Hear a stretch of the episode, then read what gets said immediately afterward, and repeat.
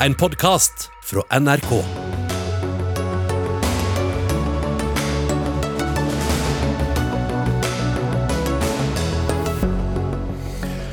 Avgnagde haler og syke griser som tråkker rundt i sin egen avføring. Nok en gang er det påvist elendig dyrevelferd i norske grisefjøs.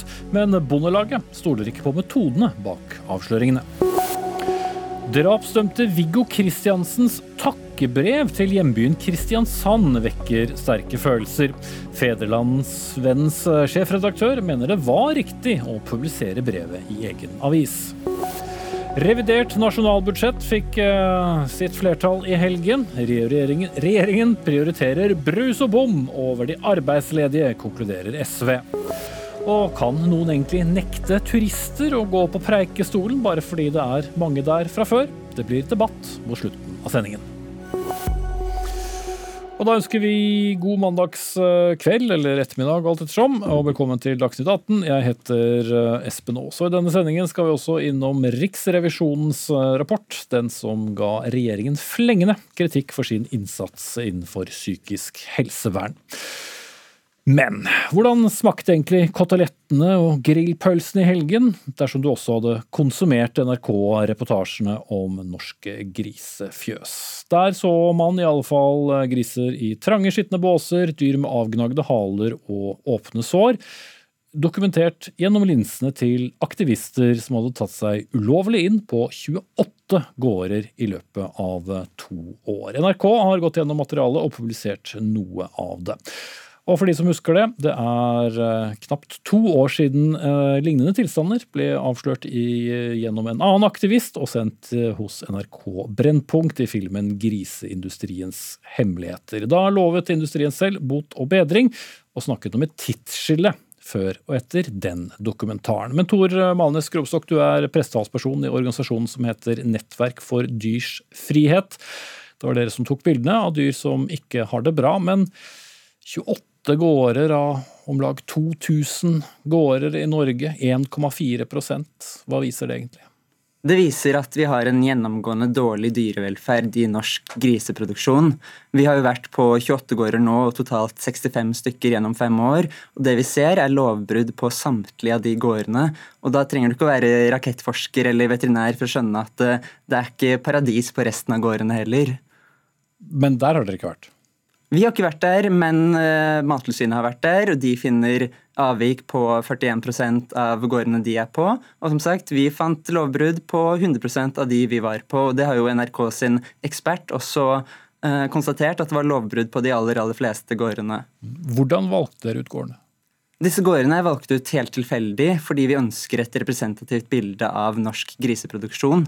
Og det vi har funnet, er jo, som folk har sett, eh, ganske sjokkerende forhold. Så det er ikke noe forhåndsvarsel på noen av de om at det kunne være dårligere til, eh, tilstander for dyrevelferden der? Nei, jeg kunne jo nesten ønsket det, eh, at dette var verstinggårder. Men det vi har sett, er jo at dette er tilfeldig utvalgte gårder. Og dette her er forholdene på vanlig norske griseproduksjonen Mm.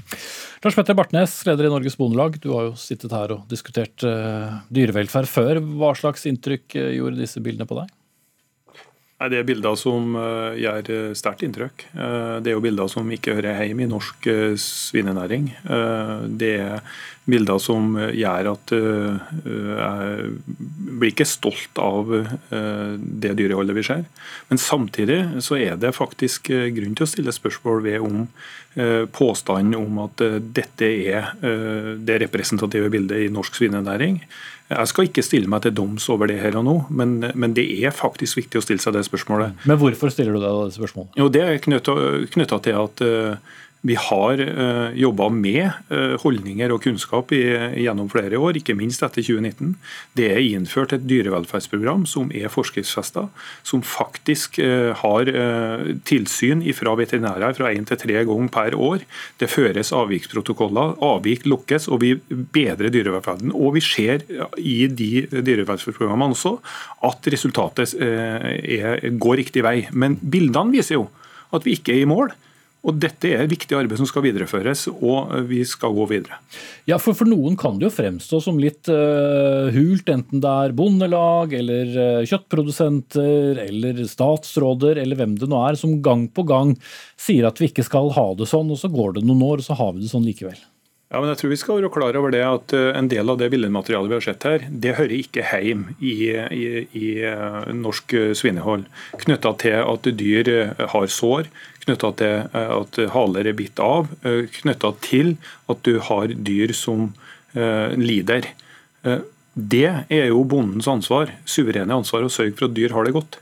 Men så er det òg viktig å ha klart for seg at vi må ikke komme i en situasjon der at dyrevelferden i Norge, som faktisk er et land der vi har god dyrevelferd, blir privatisert på den måten vi ser tendenser til nå. Vi er opptatt av at Mattilsynet må få sterkere ressurser. De kjører både varsla og uvarsla tilsyn, og, skal, eh, og, ber om at avvik lukkes på akkurat samme vis som det jeg sa i stad. Og har også påvist avvik. Grovstokk? Ja, nei, Dette stemmer jo ikke. Jeg synes Det er litt trist at Bondelaget kaster enkeltbønder under bussen og later som at dette her er enkelte råtne epler. Eh, sannheten er jo at dette her er gjennomgående utfordringer i norsk griseproduksjon. Og jeg føler det blir en litt sånn klimafornektertaktikk, der man eh, prøver å late som at problemene ikke eksisterer. Eh, man sier jo det eksisterer, men, men, men du på, sier at det er gjennomgående. Han sier at uh, dette er noen enkelttilfeller. Men før man klarer å se de systematiske problemene, så klarer man heller ikke å gjøre noe med utfordringene. Altså, I dag så er det jo tillatt å holde en 100 kilos gris på under 1 kvadratmeter med betongbinge. Eh, grisene har ikke krav på å komme ut, ikke få eh, kjenne jord under føttene, få grave i jorda og jeg får kjenne solen på kroppen. Altså, det er eh, et regelverk som er kjempesvakt, og som ikke gir dyrene god dyrevelferd. Mm. Men hvis det er regelverket, så gjør vel ikke da bøndene noe galt hvis du følger det regelverket? Men det er det som er utfordringen. Men Vi har et svakt regelverk, og i tillegg så følges ikke det regelverket. Og jeg kunne ønske at eh, Bondelaget og vi satt på samme side her og kjempet for bedre dyrevelferd, men i stedet så prøver jo Bondelaget å si at de aller, aller fleste bønder har det bra, når realiteten er at det er enorme dyrevelferdsutfordringer i griseproduksjonen, og man trenger store systematiske endringer dersom dyrene skal få gode liv. Barten skal få svare på det, men du har nå et par ganger eh, snakket om at det er eh, gjennomgående eh, brudd på, på dyrevelferd. Men hvis dere da har funnet dette i 1,4% av alle norske grisefjøs, hvordan kan du konkludere med at det er så utbredt? Vi kunne gjerne besøkt flere grisefarmer, men når vi finner lovbrudd på samtlige av de vi har besøkt, som er tilfeldig utvalgte, så er det jo naturlig å anta at det er eh, sånn i andre farmer også. Det er jo ikke sånn at vi tilfeldigvis har endt opp på de verste. og Dette her er jo også ledende skikkelser innen griseindustrien. Folk med lederverv i Bondelaget, i Norsvin. Det er folk som burde vært eh, foregangsbønder. Okay. Bartnes. Ja, det er jo sånn at uh, Vi uh, er jo opptatt av et mangfold i svineholdet i Norge. Uh, det er folk som, altså bønder som satser på utegang i gris, satser på nye måter å drive på. Men jeg er ikke med på at det dyrevelferdsregelverket som vi har i Norge, ikke er godt nok. Men Mener du at det, det er greit å holde en gris på 1 kvadratmeter, det er, 100 kilos gris på 1 kvadratmeter med betongbinge? Det er faktisk et regelverk i Norge som gir grisen i Norge vesentlig større muligheter til å ha et godt liv enn det vi ser nedover i Europa. Men det betyr ikke at det er sånn- godt nok i Norge? Bare en gang, så, så er det sånn at vi skal gjerne diskutere dyrevelferd, men det å eh, gå så radikalt til verks at vi ikke skal ha, sånn som jeg forstår deg nå, at vi ikke skal ha svinehold i fjøs, sånn som vi må ha i Norge når vi skal drive med gris i det klimaet, i den topografien som vi har, og at det er så press på uh, matvarepriser sånn som det den effektiviteten eh, skal også tas ut hos bonden, og ikke minst så er det sterke krav til eh, smitte, smittebekjempelse i dyreholdet. Og vi, vi, vi, har god dyrehelse, og dyrehelse er et viktig premiss også for dyrevelferd. Og bonden, okay. bonden har det best når dyra har det godt. Ja, og Der er vi jo helt enige, og jeg tror at hvis Bondelaget hadde vært med på å sikre dyrene bedre velferd, la grisene få komme ut, så hadde jo også bonden fått en bedre hverdag. Og så er det jo ikke sånn at dette er umulig. I England så har man storstilt uteproduksjon. Vi har jo mange norske bønder som er eksempler på at det er mulig. Men dette handler som du sier, om at vi har fått et industrialisert landbruk der kjøttprisene skal ned, og vi har flere og flere griser på mindre og mindre plass. og Da ender man med sånne forhold. Bondelaget må jo være med på å jobbe for at bøndene får bedre betalt, at uh, kjøttet koster litt mer. Det må koste det det faktisk koster å produsere kjøtt, og så får dyrene en bedre mm. hverdag. Akkurat der tror jeg faktisk øh, dere også er enige om at du sikkert vil vise til uh, hva dere får betalt når dere selger, bl.a. Til, til store norske kjeder. Ja, så det er ikke spørsmål om økonomi først og fremst. Bonden har ansvaret for at dyra skal ha det godt. Og Innenfor de rammene som vi driver effektivt og godt dyrehold på i Norge, godt dyrehold på i Norge, bare les statistikk fra andre land i Europa, så ser du faktisk at det dyreholdet vi har i Norge er, eh, det er noe av det bedre. Så, men går det an å gjøre jeg vil egentlig avrunde, Vi skal ha noen politikere, men jeg må bare stille spørsmål eh, til slutt. Vil vi egentlig noen gang unngå å se slike tilfeller? For det handler vel også også om bønder som ikke klarer å holde styr på, på nok eh, dyr, ikke klarer å holde lønnsomheten oppe, og at eh, det blir for mye. Så man kan vel alltids regne med å finne tilsvarende bilder som det, det har blitt vist eh, gjennom flere år nå? Det mener jeg at vi skal jobbe for å redusere muligheten for at den type bilder vises. Det er viktig for oss, ikke for omdømmet sin del først og fremst, men for dyra skal ha det godt. Mm. Det er det det handler om. Ok, jeg må sette strekk for dere to nå. Det blir debattert videre. Viser ut Tor Malnes Grubstok fra Nettverk for dyrs frihet og Lars Petter Bartnes, som er leder i Norsk eh, Bondelag, eller Norges Bondelag, som det også heter. Eh, så eh, skal vi få inn en statssekretær og en stortingsrepresentant fra opposisjonen her. Nemlig Vidar Skogan, som er statssekretær i Landbruks- og matdepartementet fra Kristelig Folkeparti, og Nils Kristen Sandtrøen, stortingsrepresentant for Arbeiderpartiet og er landbrukspolitisk talsperson.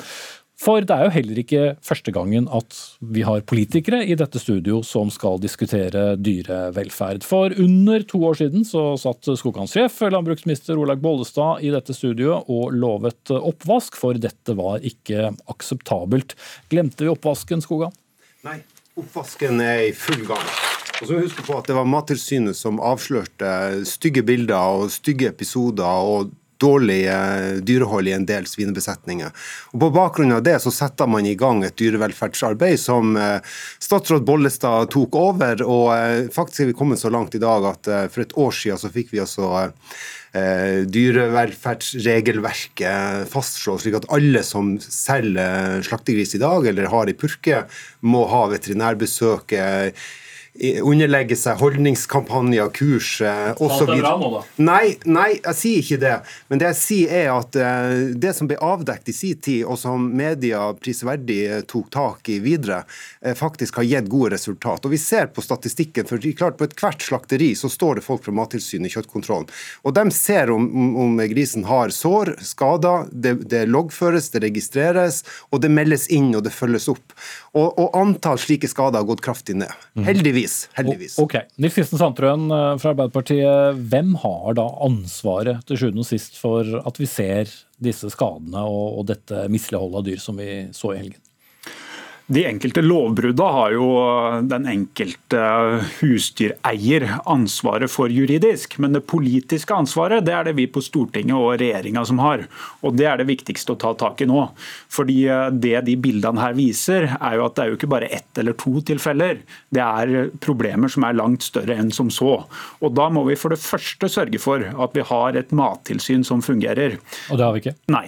Ikke med nok ressurser. Eh, høyreregjeringa, som KrF og Frp har vært med og styrt politikken til, har systematisk kutta for mye i Mattilsynet. Det påpekte vi allerede i det første budsjettet. Samla sett har vi foreslått over 102 millioner kroner mer over denne perioden.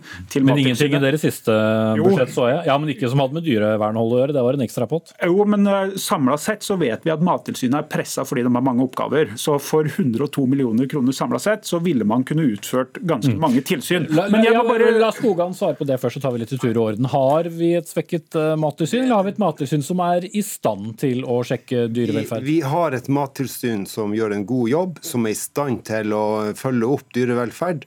Og vi skal ikke gjøre dette til et spørsmål om eh, bevilgning over statsbudsjettet til Mattilsynet. Vi har veldig gode systemer. Vi har en rekke system som følger opp den enkelte svinebesetning. Vi... Men hvorfor finner vi da bildene hvis vi har et godt system? Ja, Det blir stadig færre, og så får vi disse påminnelsene om at vi ikke er i mål. Eh, og så skal den jobben fortsette. Men vi må huske på at vi har over 2000 eh, svinebesetninger. Og De aller fleste har eh, lite og ingen avvik på kontroller. Og, og, men alle er innenfor dette systemet som kontrolleres. og hver, hver slaktegris som kommer til et slakteri, blir registrert og fulgt opp.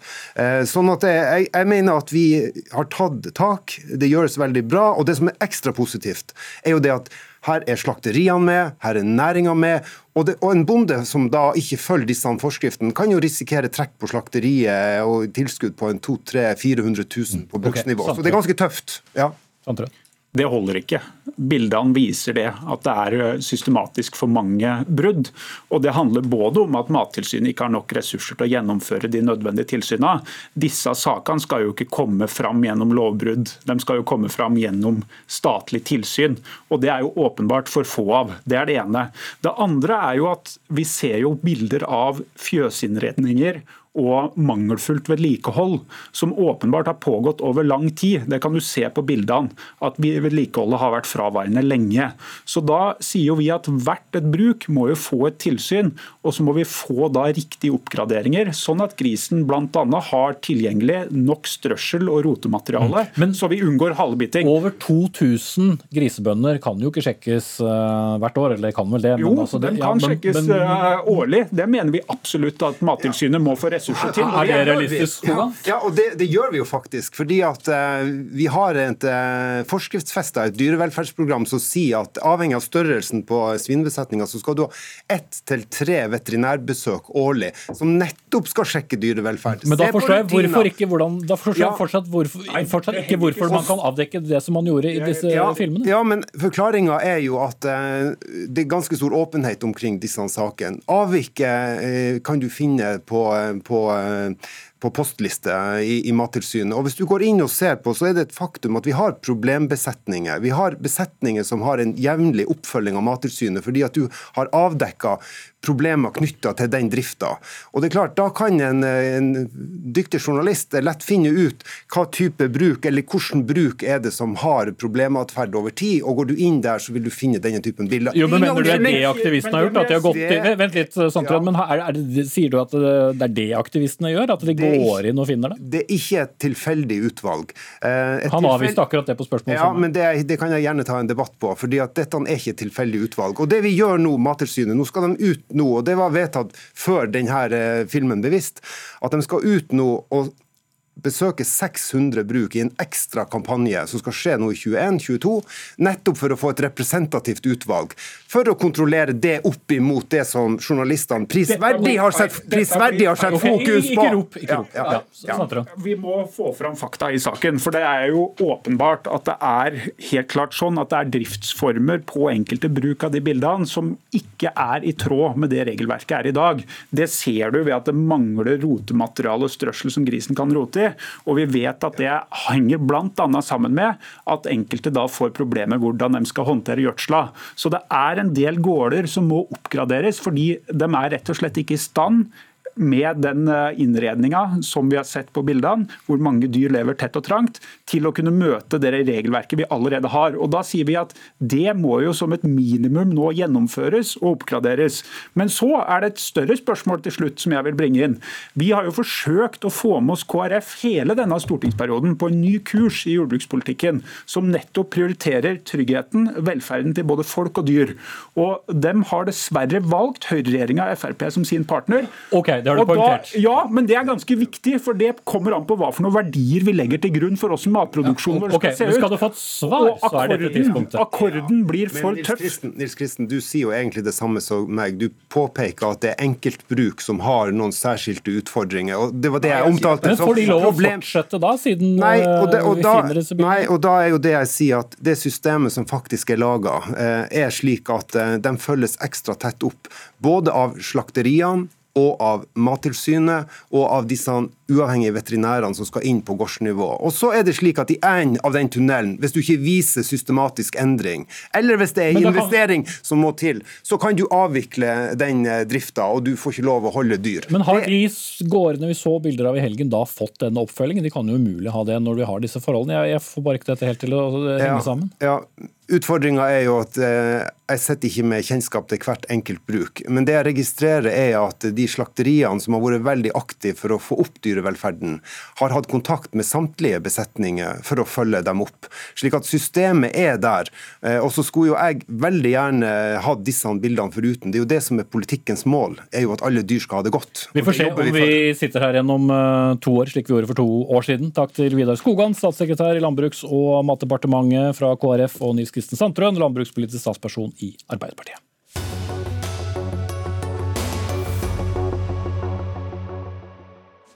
Så tar vi bare med en rask liten eh, nyhetsmelding som eh, gjelder en god del mennesker, nemlig at regjeringen nå griper inn med tvungen lønnsnemnd i streiken i hovedstaden. Arbeids- og sosialminister Torbjørn Røe Isaksen innkalte partene i den pågående arbeidskonflikten mellom hovedorganisasjonen Unio og Oslo kommune til et møte som begynte for én time siden. Unio-medlemmene i hovedstaden gikk ut i streik 27. mai etter at meglingen ikke førte frem. Og skoler, barnehager, helseinstitusjoner, bibliotek, administrasjon og Nav har vært rammet, i motsetning til de andre kommunene som eh, fikk stanset streiken eh, med tvungen lønnsnemnd på fredag. Så er da hovedstaden et eget tariffområde. Så er det sagt. Vi skal ha temaskifte. For Norges mest populære fjelltur, nemlig turen til Preikestolen, bl.a. kjent fra filmer med Norges- øh, og kulturministervennen Tom Cruise, er såpass populær at øh, dere i stiftelsen Preikestolen nå vil begrense tilgangen til den. Helge Kjellevold, du er administrerende direktør der. Hva skjer hvis ikke vi begynner å begrense antall besøkende?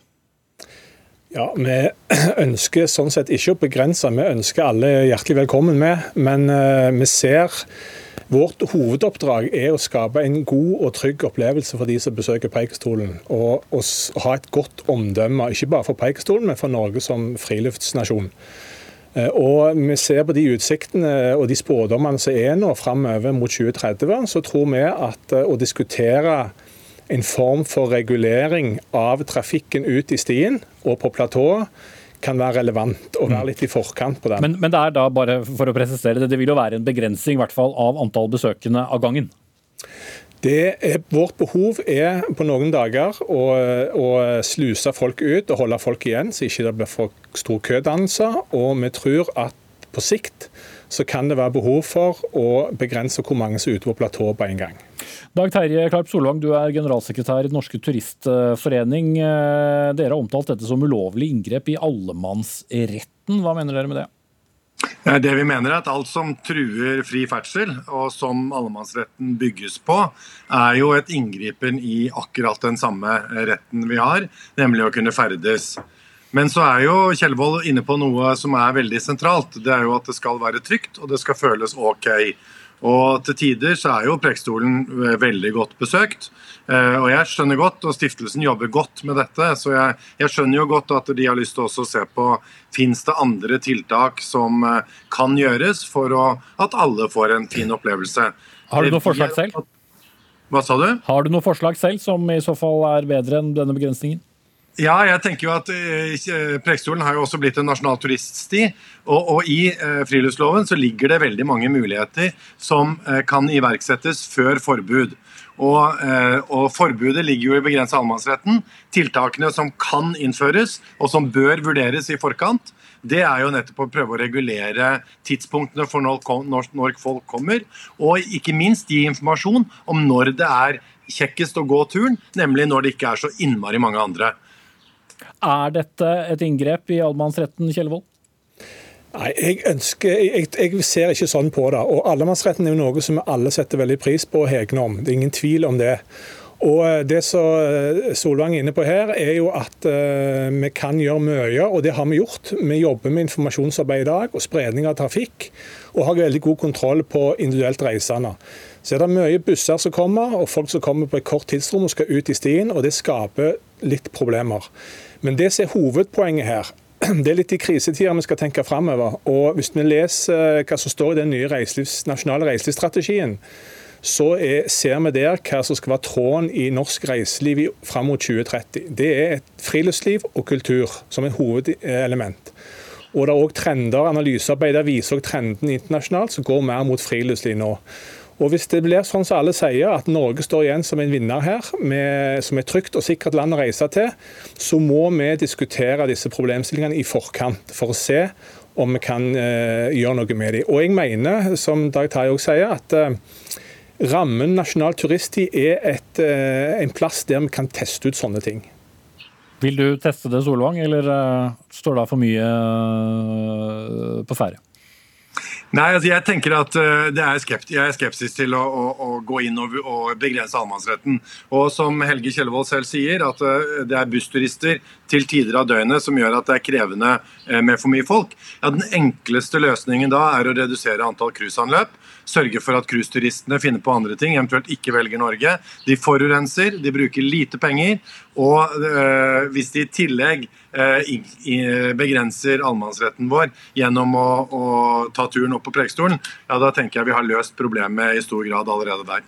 Ja, Vi får holde oss til, holde oss til selve Preikestol-problematikken og, og, ikke de andre. Men uh, blir det lett å gjennomføre denne, disse restriksjonene i Kjellevold, med mindre du nærmest setter vakter på veien opp til Preikestolen? En liten presisering. 50% av bussturistene er cruisegjester. Resten er andre, andre, turbusser som kommer, og rutebusser. Og vi vil jo at folk skal reise med kollektivt. Men eh, vi, vi, har jo bemanning på Preikstolen 365 dager i året, og eh, vi driver informasjonsarbeid hele veien. Og vi mener at vi på en smidig og grei og enkel måte skal kunne eh, regulere hvor mye folk skal gå ut om gangen, og vi skal kunne regulere platå hvis det blir behov for det. Mm. det Men ingen skal nektes adgang? Nei, altså jeg, jeg, tenker at vi skal ikke nekte folk å gå, men vi må styre litt. Vi må ha myndighet til å kunne si stopp en periode. Og dette, her snakker, dette dreier seg jo om tidspunkter gjennom hovedsesongen, og det er jo ikke permanente løsninger. Solvang? Ja, ja og, og, den Styringen av trafikk gjøres allerede i dag på andre nasjonalturister, også på Preikestolen. Eh, I den grad at man har vakter og man har folk som både ivaretar de som ikke klarer turen på egen hånd, eller sørger for å få folk til å avbryte før det går galt, altså for å hindre redningsaksjoner. Så Der har man jo alle virkemidler i skuffen eh, i forhold til nasjonale turiststier. Eh, men, men man, skal, man, skal, nettopp ta i bruk alle de andre virkemidlene før man begynner å begrense folks mulighet til å kunne gå turen. Eh, og, og det opplever jeg vel at stiftelsen er eh, framoverlent på.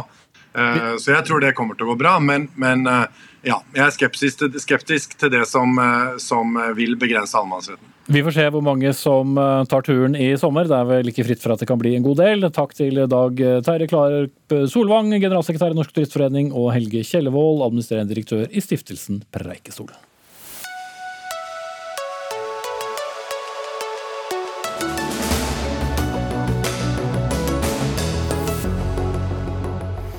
Bare så vidt løfte sceneteppet for noe vi skal snakke om mot slutten av sendingen. Det skal nemlig handle om billigere brus, billigere bomringer og billigere ferger. Det er iallfall blant tingene som kom ut av budsjettenheten mellom regjeringen og Fremskrittspartiet i helgen, men i opposisjonen ellers er derimot begeistringen noe dyrkjøpt.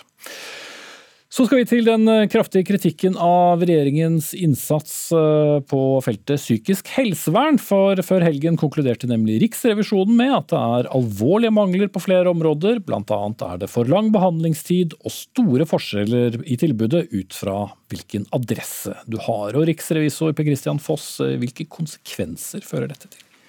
Det fører til at mange med psykiske plager og lidelser ikke får hjelp når de trenger det. Jeg minner om at dette var jo et av de temaer som denne regjering reiste høyest, høyest ved sin tiltredelse. Uh, du var overrasket? Det må det være lov å si, ja, at jeg er. Og det som er særlig viktig, at blant, uh, for unge mennesker står det ekstra dårlig til. Tre av fire regionale helseforetak, altså de som vi har delt landet inn i, så kan si tre fjerdedeler av landet omtrent, innfridde ikke engang ventetidskravene for unge i fjoråret. Og blant eh, voksne er det to av fire som, helseforetak som sier at de eh, ikke innfridde. Og hvis vi går ned på kommunalt nivå, så sier altså nesten 40% av kommunene at behandlingsbudet ikke er godt i deres kommune. Det er altså deres egenattest. Og jeg tror ikke de overdriver der. Nei. Maria Gjørman Bjerke, du er statssekretær i Helse- og omsorgsdepartementet fra partiet Høyre. Det var jo det var kanskje ikke det skussmålet dere hadde håpet på? Altså, vi er veldig glad for at Riksrevisjonen har tatt en så grundig gjennomgang eh, av helsetilbudet til personer med psykisk helse og rusproblemer. Men står ikke helt i stil med, med satsingsområdene til eh, regjeringen? Nei, altså, vi, vi, tar denne kritikken på alvor, og vi skal gå eh, gjennom rapporten nå for å se på hvilke forbedringspunkter vi har. Men man må huske på dette, denne rapporten tar jo for seg årene 2015 til 2020. Det har skjedd fryktelig mye på dette området i de fem årene. og det er helt riktig som Per Kristian Foss sier, dette har jo vært et satsingsområde for regjeringen regjeringen eh, helt siden vi tiltrådte i 2013. Vi har systematisk bygget opp helsetilbudet både i kommunene og spesialisthelsetjenesten. Og vi har gjennomført en rekke tiltak som på de... sikt vil bidra til eh, at denne gruppen eh, får bedre helsetjenester Men vet, i dag. Hvordan vet du det når Riksrevisjonen viser til såpass dårlige tall? At det blir bedre? Fordi at En rekke av de tiltakene vi har satt i gang tar litt tid å gjennomføre. Vi har bl.a. innført pakkeforløp for rus og psykisk helse. Det er en stor kvalitetsreform. Vi vet at en rekke pasienter har vært gjennom disse pakkeforløpene, men dette er et område som jeg er helt sikker på at vi vil se store forbedringer eh, i tiden fremover. Og vi har jobbet systematisk med å redusere ventetidene. Ventetidene for barn og unge innenfor psykisk helsevern er redusert med ni dager. Men, men det har også vært ganske systematisk denne gjennomgangen, eh, Per Kristian Foss? Ja, og Det viktigste løftet som ble gitt da man tiltrådte, var den såkalte, det vakre uttrykket 'den gylne regel'. Nemlig at, og Det var veldig fornuftig. Hvert år skulle psykiatrien eh, øke mer enn somatikken, altså det var det vanlige ved et sykehus. Så skulle da eh, psykiatrisk, psykiatrisk helse løftes opp, altså øke mer enn resten. Det har ikke skjedd ett år i ett foretak de årene som er undersøkt. Mm. Så du er ikke så overbevist kanskje om at det plutselig blir bedre? Nei, og jeg er er overrasket over den mangel på styring. For at helseforetakene er jo statens eiendom. Og det er ikke noe AS som bør gå og øh, ta hensyn til aksjeloven eller noe sånt. Det kan styres direkte. Og det man kan styre direkte, altså helseforetakenes prioritering jeg tar, jeg tar det argumentet om at det å legge om behandlingen f.eks. få bedre behandling av de som både har rus og psykiatri som en lidelse, blant ungdom særlig utbredt, det kan ta tid å legge om. fordi at eh, Dette er vanskelige områder. Psykiatrien er ikke, uh, gir ikke så enkle svar som somatikken. Så mm, jeg skjønner det, men altså ikke helseforetak den gang klarer å prioritere det høyere i fem, et, seks etterfølgende år, og ikke ett eneste av foretakene, det er jeg skuffet over. Mm. Har ikke regjeringen styring? Jo, dette er jo et område hvor vi er helt enige med Riksrevisjonen i. Eh, vi er ikke fornøyd med oppfølgingen av den gylne regel, eh, men eh, vi har jo tatt styring på dette området gjennom at helseministeren hvert år har vært tydelige i sine forventninger til helseregionene. Ingen har fulgt den? Men det, det, du må huske på er jo at altså, Hvordan hadde situasjonen vært hvis ikke den gylne regel hadde vært innført? Det den gylne regel i hvert fall har bidratt til, er å få en større oppmerksomhet på rus og psykisk helse. Det vi hadde ikke sittet og hatt denne diskusjonen hvis ikke vi hadde innført At foretakene eh, følger statsråden, det skjønner jeg ikke. Hvis statsråden fem, nei, seks år på rad sier dette, og ingen helseforetak klarer å gjøre det, det må da være en evneløshet til foretakene eller en mangel på styring. Og Vi peker jo på at det statsråden svarer vår, vår rapport, at den vil følge opp på samme måte som før. Da tillater vi oss å legge til til hans svar at det er viktig å finne nye virkemidler når det gamle ikke har virket. Ja, men det vi har sagt også er at Vi skal se på innretningen av den gylne regel. Eh, for Det er helt klart at det kan godt hende at det er andre måter uh, å gjøre dette på. For så mange år på rad, og hvis ingenting virker, så er det kanskje ja, men jeg mener at Det er helt feil å si at ingenting virker. Men det er jo samme resultatet hvert eneste år? Nei, Altså, dette området har vært prioritert høyere. Vi har redusert ventetidene innenfor rus og psykisk helse. Også i løpet av denne pandemiåret, hvor ventetidene på andre områder har gått, så har ventetiden på rus og psykisk helsevelse gått ned. Så det blir helt feil å si at denne regelen ikke har virket. Eh, og Det at vi sitter her og diskuterer det nå, er jo et signal på at fall oppmerksomheten på dette området er blitt større. Eh, og så har vi helt klart et forbedringspotensial i årene fremover.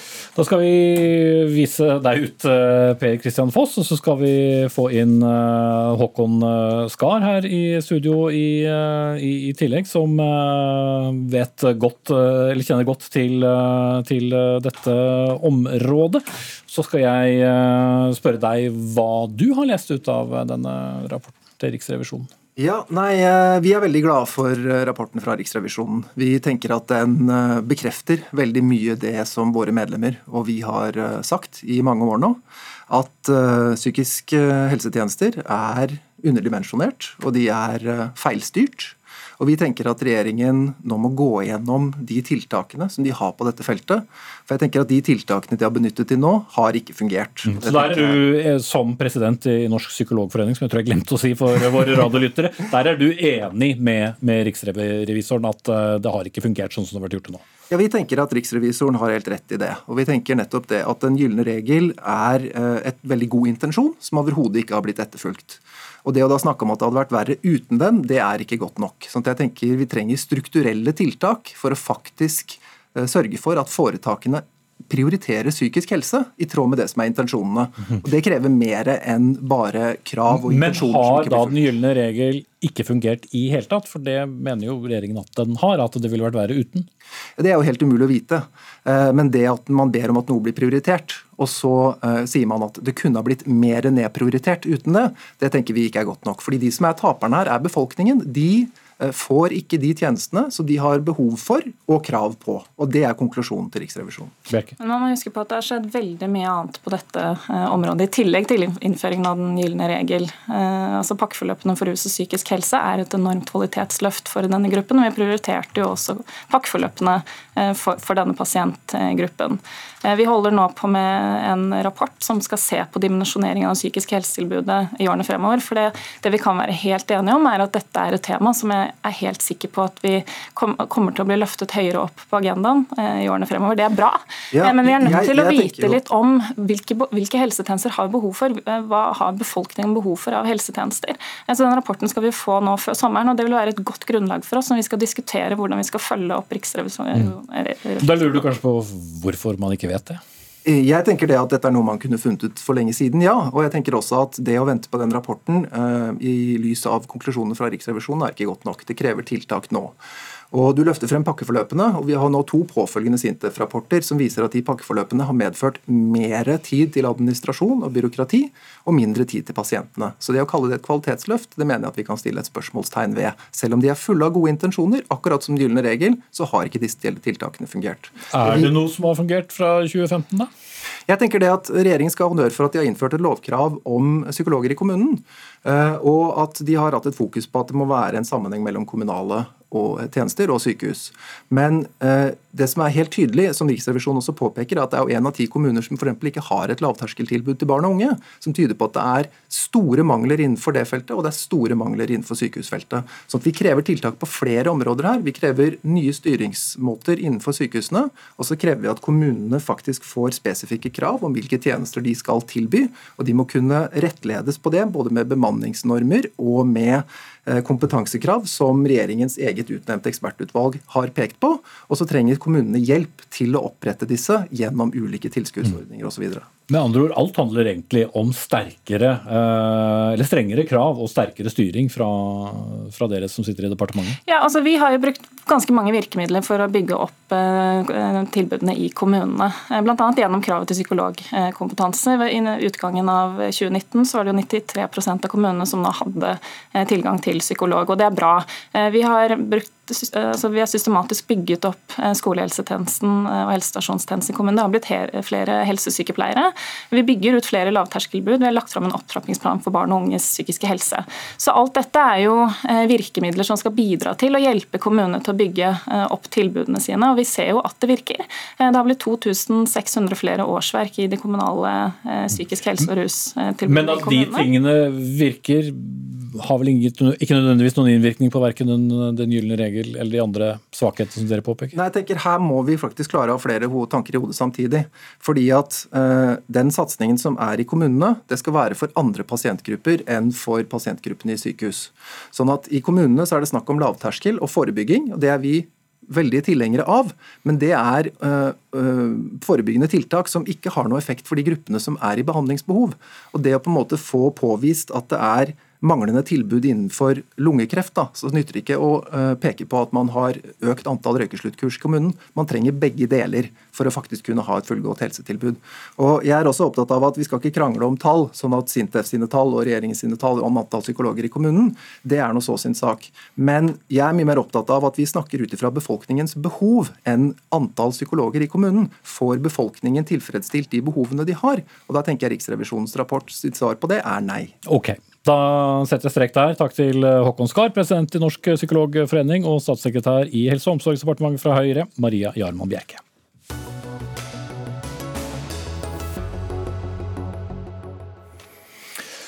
Da skal vi snakke om et uh, takkebrev som har fått uh, ganske mye oppmerksomhet. Jeg siterer fra det. Tusen takk, jeg må bare si at jeg er overveldet over den gode stemningen og den positive mottagelsen dere har gitt meg. Ordene kommer eh, fra drapsdømte Viggo Kristiansen i et brev som ble publisert i avisen Fedrelandsvennen i går. Det har gjort mange sinte, både innad i den nevnte avis og også folk i Kristiansand. Det er jo som kjent bare én uke siden Kristiansen ble løslatt etter å ha sonet nesten 21 år i fengsel for Baneheia-drapene. Og Jannicke Amalie Sveinsdatter Arnesen, du er bystyrerepresentant i Kristiansand fra Arbeiderpartiet. Kan man ikke publisere sånne brev i en avis? Jo, det kan man, men man kan ikke gjøre det på den måten Feven har valgt å gjøre det, uten journalistiske hender på, eh, på, saken. Og Det er jo det som gjør at meg og veldig mange andre reagerer, nemlig at eh, det ikke har vært et eh, redaksjonell jobbing med den saken. Man har bare publisert det bang som om det var et brev fra kongen med bilde av mannen, bilde av overskriften, uten å gjøre noen andre vurderinger. Mm. Men, men dette er jo da et, et lesebrev, et, et, takkebrev. Hva konkret er det man journalistisk skal uh, gjøre med det? Altså, Jeg lurer på om han har skrevet det sjøl. Og hvorfor sender han det inn? Hvorfor skriver han det akkurat nå? Det er en sensitiv sak i Kristiansand, dette, og burde behandles sensitivt også av regionavisen vår. Mm. Sjefredaktør i nevnte avis, Fedrelandsvennen eh, Eivind eh, Jøstad. Hvilke vurderinger ble gjort av deg som redaktør før publiseringen? Eh, vurderingen er at dette er første eh, uttalelse fra Viggo Kristiansen etter at som du sa, nesten har sittet 21 år i fengsel. Eh, det er en nyhet i seg selv eh, at han eh, eh, sier noe. og den mener vi er både riktig og viktig å få fram. Og det handla om opplevelsen han har hatt av å komme hjem til Kristiansand. Hadde han skrevet om saken eller skyldspørsmål, eller sånne ting, så hadde det vært helt annerledes. Eh, og selvfølgelig, som Arnesen nå sier, måtte vært behandla mye mer journalistisk. Men dette var etter å ha blitt forespurt uh, om å stille opp på et intervju, ikke bare oss, men helt sikkert mange andre medier òg, uh, som han ikke ville, så valgte han da å sende oss dette brevet eller innlegget om du vil, eh, for å formidle hvordan han har opplevd å komme tilbake til Kristiansand. Mm. Eh, men, men, det er jo da en ho ja, og det er jo da, Han er jo da hovedmannen i en av de mest omtalte drapssakene i, i Norge i, i, senere år. En, en, sak som han fortsatt er, er, dømt for. Og når man da trykker et takkebrev og lar det bli med det, hvor for all del han ikke diskuterer skyldspørsmålet, men hva er tanken på at publikum skal få ut av det? Jeg tror Et av de spørsmålene jeg har fått oftest nå etter at han eh, ble løslatt, er hvordan reagerer Kristiansand og befolkningen i Kristiansand på dette. Det har vært nokså taust om det. Nå fikk vi Viggo Kristiansens versjon av det. Og i kjølvannet av det har vi jo fått en rekke andre reaksjoner som nå sier hvor betent dette er i Kristiansand. Uh, og Det må vi forholde oss til. Virkeligheten er at Viggo Kristiansen nå er ute av fengselet. Uavhengig av hvordan saken går videre, så vil det sannsynligvis være tilfellet at han ikke skal, at han er fri. Ja, det... For tiden, altså han er ikke frikjent, men han er, uh, har sonet. Ferdig sonet, ja. Men Arnesen, godtar du forklaringen? Nei, altså jeg syns den stråmannsargumentasjonen Feven finner på i ettertid, hvor uh, Jøstad sjøl skriver i egen avis at han har tatt hull på en verkebyll, det er en stråmannsargumentasjon. Og jeg er sykepleier, og, og, skulle man bruke den metaforen videre, så er det i hvert fall ikke gjort med noe kirurgisk presisjon. Det er gjort med hammer og meisel, og denne saken fortjener mer enn det. Mm. Men hva mener du egentlig da eh, Fedrelandsvennen gjør ved å trykke dette brevet, og for så vidt da en forklaring også fra redaktør på hvorfor de trykker det? Nei, jeg mener jo igjen at de er et mikrofonstativ for Viggo Kristiansen og hans kampanje. Det har jo foregått... Men det er jo ikke noen kampanje. Han takker jo for støtten fra de som har støttet ham, og så er det jo mange som for all del ikke har gjort det. Jeg vil jo påstå det har foregått en omfattende kampanje for å endre allmennhetens syn på Viggo Kristiansen gjennom de siste par årene. Kunne dere gjort det på en annen måte, Jøstad? Også gjennom en, en, journalistisk overbygning, gjennom en sak der eh, brevet, hvor det ble stilt spørsmål eh, ved brevet og, og, og signalet det sender? Åpenbart. Sånn er det jo alltid med kontroversielle publiseringer. At man tenker etterpå at man kunne gjort det på den og den måten. Eh, her er jo diskusjonen på to eh, plan, egentlig. Det er om det er riktig å publisere hans ytring eller ikke. Det jeg opplever at sånn, i hvert fall i mediekretser man er enig om at det er riktig, og så har vi, vi har fått masse kritikk for det òg. Og så er det andre det da Arnesen er opptatt av, kontekst eller måten vi gjorde det på. Vi valgte, vi har selvfølgelig vurdert det òg, men det, det var nå uh, sånn det kom til oss, som et innlegg. Uh, og vi syns det var uh, riktig å publisere det akkurat som det.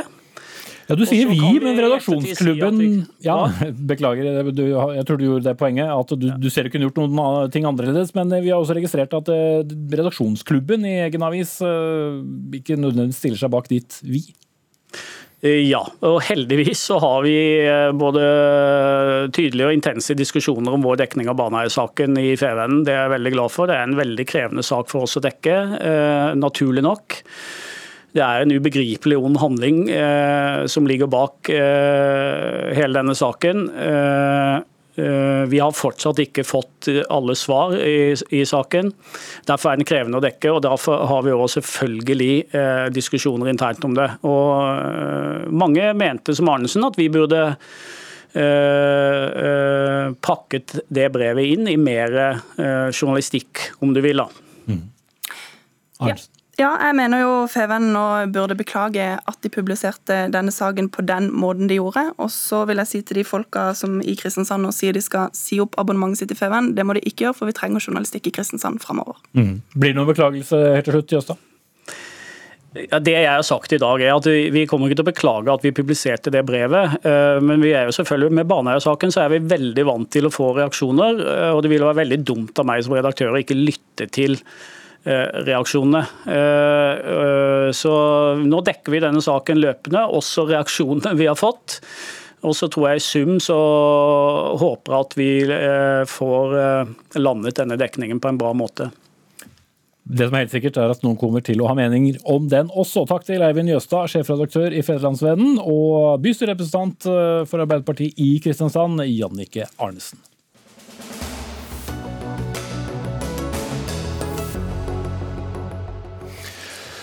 Billigere ferger, mer til psykisk helse og frivillige organisasjoner og økte tilskudd til planting av skog. Ja, det er noen av hovedpunktene fra revidert nasjonalbudsjett eh, som ble vedtatt etter lange og harde diskusjoner mellom regjeringspartiet og samarbeidspartner Fremskrittspartiet.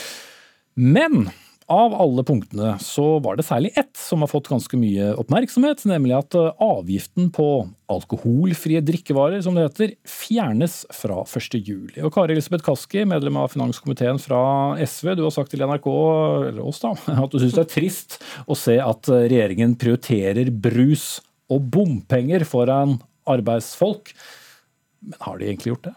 Ja, det har de gjort. og Det er riktignok et eh, ekstremt uh, uansvarlig budsjett, vil jeg si, økonomisk sett, i en tid hvor, hvor uh, vi ikke det siste vi trenger, det er å øke de varige utgiftene ved å bruke enda mer oljepenger. og Det kan vi komme tilbake til. Men, men det er også et budsjett der Fremskrittspartiet og regjeringspartiene har gått sammen og heller vektlagt å kutte i brusavgifter og bygge enda mer motorvei og kutte bompenger, framfor å prioritere nye tiltak for å få de 180 000 menneskene som i dag står utenfor jobb, i arbeid, og framfor å skape trygghet om de sosiale ordningene, inntektssikringsordningene, for mange av de som, som nå har gått ledig lenge og som sliter. Og det, det, jeg tror at vi, eh, Selv om vi er i en sånn eufori av åpning nå og vaksiner, skal tenke på at det er fortsatt veldig mange som merker den økonomiske krisa veldig hardt på kroppen. Men også Kapoor, leder av finanskomiteen på Stortinget fra Høyre. Kommer brusen til å smake litt bittert, selv om den blir billigere? Det må jo være den som drikker som må få lov til å svare på det. Men jeg tenkte for deg, da. men, men, jeg syns eh, Kaski har en ganske unyansert fremstilling av eh, budsjettet. Altså, det er helt riktig at i avtalen så har vi blitt enige med Fremskrittspartiet i å sette, ta bort brusavgiften, som vil føre til at brusen blir et par kroner billigere per liter. Men det er jo ikke det man har gjort fremfor de andre tingene du nevner. Altså den, denne budsjettenigheten fører nå til at vi har en kompensasjonsordning for næringslivet som vil vare helt frem til oktober. Vi har en lønnsstøtteordning som vil vare frem til august. Vi har en eh, ordning hvor vi kan gi eh, pengestøtte til kommunene, som de kan dele videre ut til bedriftene på kort varsel dersom smitten skulle blusse opp igjen, på 1, om lag, lag 1,3 milliarder kroner. Så denne avtalen i sum vil jo selvfølgelig sørge for at vi får på plass alle disse gode koronatiltakene. Sørge for at vi har en, en god politikk for at næringslivet ikke faller ut også når vi skal åpne igjen. og noen seire til Fremskrittspartiet som ikke dere foreslo selv. Og så er det ikke noe tvil om at når man skal forhandle et budsjett, så må man gi og ta. Men det er ikke eh, såpass eh, unyansert som, eh, som Kaski vil ha det til. Det er en helhet her som absolutt vil føre til at vi får håndtert krisen på en bedre måte enn hvis de rød-grønne i hvert fall hadde styrt. Kaski. Vel, De rød-grønne partiene prioriterer faktisk å få folk i arbeid. Og, og det å kutte i brusavgifter eller, eller, andre ting som er i det veldig ekspansive budsjettet, vil ikke få folk tilbake til arbeid. Vi vet at både kompensasjonsordninga og lønnsstøtteordninga er for lite treffsikkert til det. Det som ville ha hjulpet, var flere arbeidsmarkedstiltak, tiltaksplasser, flere studieplasser enn det som regjeringa har lagt opp til. Og det er altså sånn at man her i budsjettforhandlingene øker det allerede veldig ekspansive reviderte budsjettet med veldig mange flere milliarder. Mye av det er fra oljefondet, uten at det er ny krisepolitikk. Og Det er økonomisk uansvarlig, og det kommer ikke til å hjelpe de folka som nå sitter og lurer på om de kommer til å ha nok inntekt til å betale regningene sine utover høsten. Og Det, det, det viser jo det som vi har sett hele veien, at regjeringa ikke prioriterer arbeidsfolk i denne krisa. Jeg lurer på om vi har lest det samme dokumentet, eh, Kaski. Altså Hvis du ser på regjeringens budsjettforslag og det reviderte, så er det kompetansetiltak. Det er snakk om å eh, sørge for at folk som er permittert, får eh, kompetanseheving, omskolering. Vi satser videre på Utdanningsløftet, sånn at de som i dag står i fare for å falle ut av skoleløpet, ikke blir varig arbeidsledige. Dette er ting som vi tar tak i nå. Men så har vi også de kortsiktige grepene som vi håper at vi etter hvert kan også ta bort. Men vi har sørget for en eh, kompensasjonsordning som varer til høsten. Vi har sørget for at vi nå har om lag 1,3 milliarder kroner som kan gå ut til bedriftene ute i norske kommuner dersom de skulle oppleve problemer. Det er jo det som sørger for at bedriftene ikke går konkurs, og at folk har en jobb å komme tilbake til. Og så må vi også minne om da, unnskyld programleder, vi må minne om at SVs politikk, som nå handler om å kjøre på med skatteøkninger i en tid hvor ni av ti permitterte er i privat næringsliv, de, deres oppskrift vil jo nettopp sørge for at vi ikke får folk til, tilbake i jobb, eller kanskje til og med hindre at det skapes nye jobber. Det skulle du si, da, før, uh, før du så uhøflig avbrøt meg. Nei da. Men eh, NHO og Virke har jo bejublet denne avgiften og peker på at det vil jo begrense handelslekkasjen til Sverige, i hvert fall til deler av, av Norge. Gjør ikke det at vi nettopp eh, holder arbeidsplasser i Norge? Nei, og både NHO og Virke og høyresida kommer til hver eneste dag fram mot valget til å si at hvis vi øker skattene og avgiftene i det landet her, så mister vi arbeidsplasser. Det er ikke sant. Og det SV foreslår er ikke betydelige skatteøkninger for det private næringslivet. Det er for de rike private folkene med store formuer. Og det trengs for å omfordele verdier også til å kunne bygge ut da infrastruktur og velferd som er bra for næringslivet i Norge. Og det er et faktum at dagens regjering har prioritert krisetiltak som først og fremst har truffet de store bedriftene med kapitalsterke eiere i ryggen. Hvis du spør, spør små og mellomstore bedrifter i Norge i de hardest ramma næringene, så kjenner de seg ikke igjen overhodet i at vi har hatt en regjering som har prioritert de i denne krisa. Det er også sånn at det er venstresida som har kjempa gjennom alle de ulike inntektssikringsordningene som har gjort at, at køen utenfor Fattighuset tross alt ikke er så lang som den ellers ville ha vært. Men SV ville jo ha gått mye lengre i det arbeidet enn det vi fikk gjennomslag for for. Hvordan hjelper budsjettet alle de som er langtidsledige i Norge? da? I budsjettet så ligger det uh, mange gode tiltak. Vi har uh, satt av penger til, kompetanseheving. Vi har uh, satt av penger til arbeidsmarkedstiltak. Vi sørger for at vi satser videre på utdanningsløftet, slik at dagens unge ikke faller ut av skoleløpet og dermed inn i et arbeidsledighetsløp senere i livet. Vi sørger for at bedrifter som står på randen av konkurs, får en støtte som gjør at de kan holde hjulene i gang og kan komme seg opp fra knestående eh, nå når vi også begynner å eh, gjenåpne samfunnet.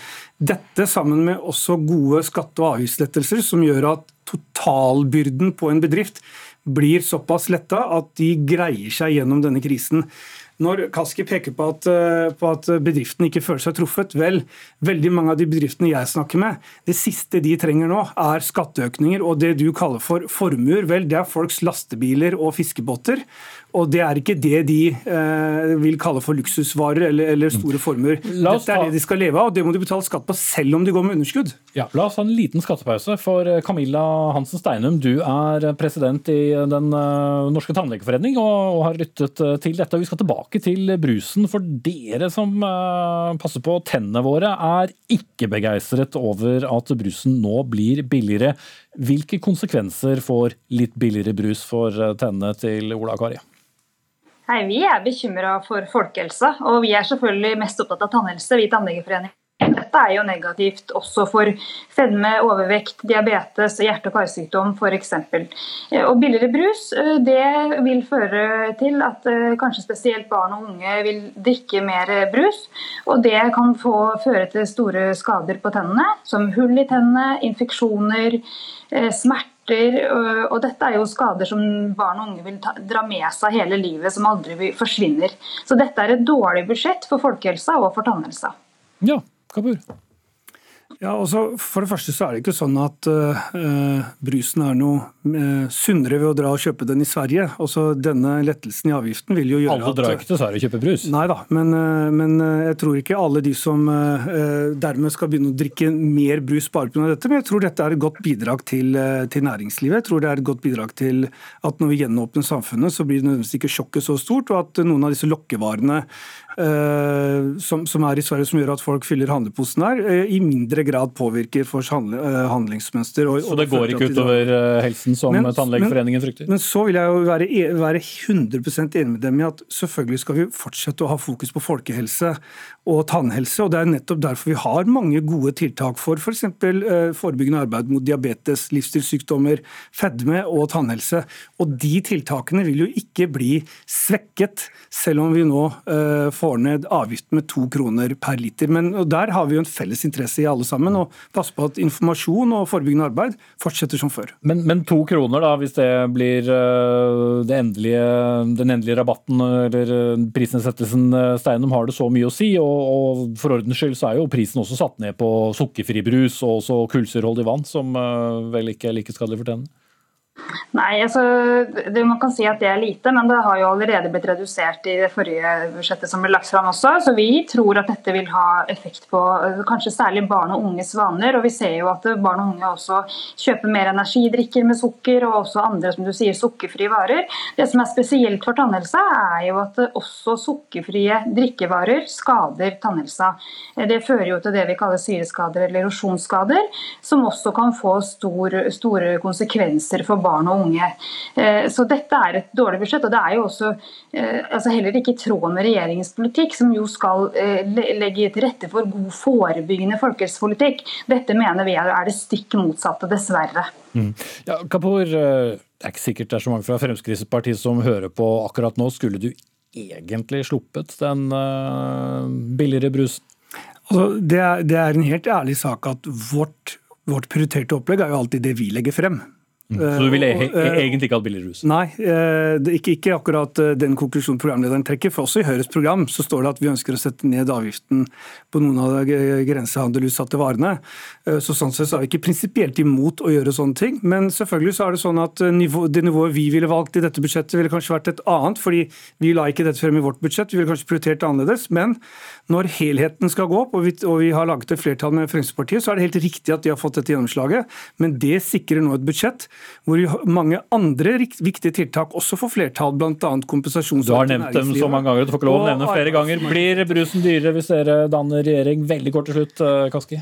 Ja, det er i hvert fall eh, tror jeg, helt nødvendig å se på. og og jeg er sterkt bekymra for at dagens regjering etterlater seg et budsjett med avgiftskutt som det ikke finnes inndekning for. Det er veldig uansvarlig fra, fra Høyre, og uten at vi har noe belegg for at det vil bremse grensehandelen på noen som helst måte. Skulle nesten tro du skulle si hull i budsjettet, men det ble ikke det. Takk til Kari Elisabeth Kaski fra SV, Mudassar Kapur fra Høyre og Camilla Hansen Steinum fra Den norske tannlegeforening. Dag Dørum var ansvarlig for dagens sending. Hanne Lunås tok seg av det tekniske. Jeg heter Espen Aas.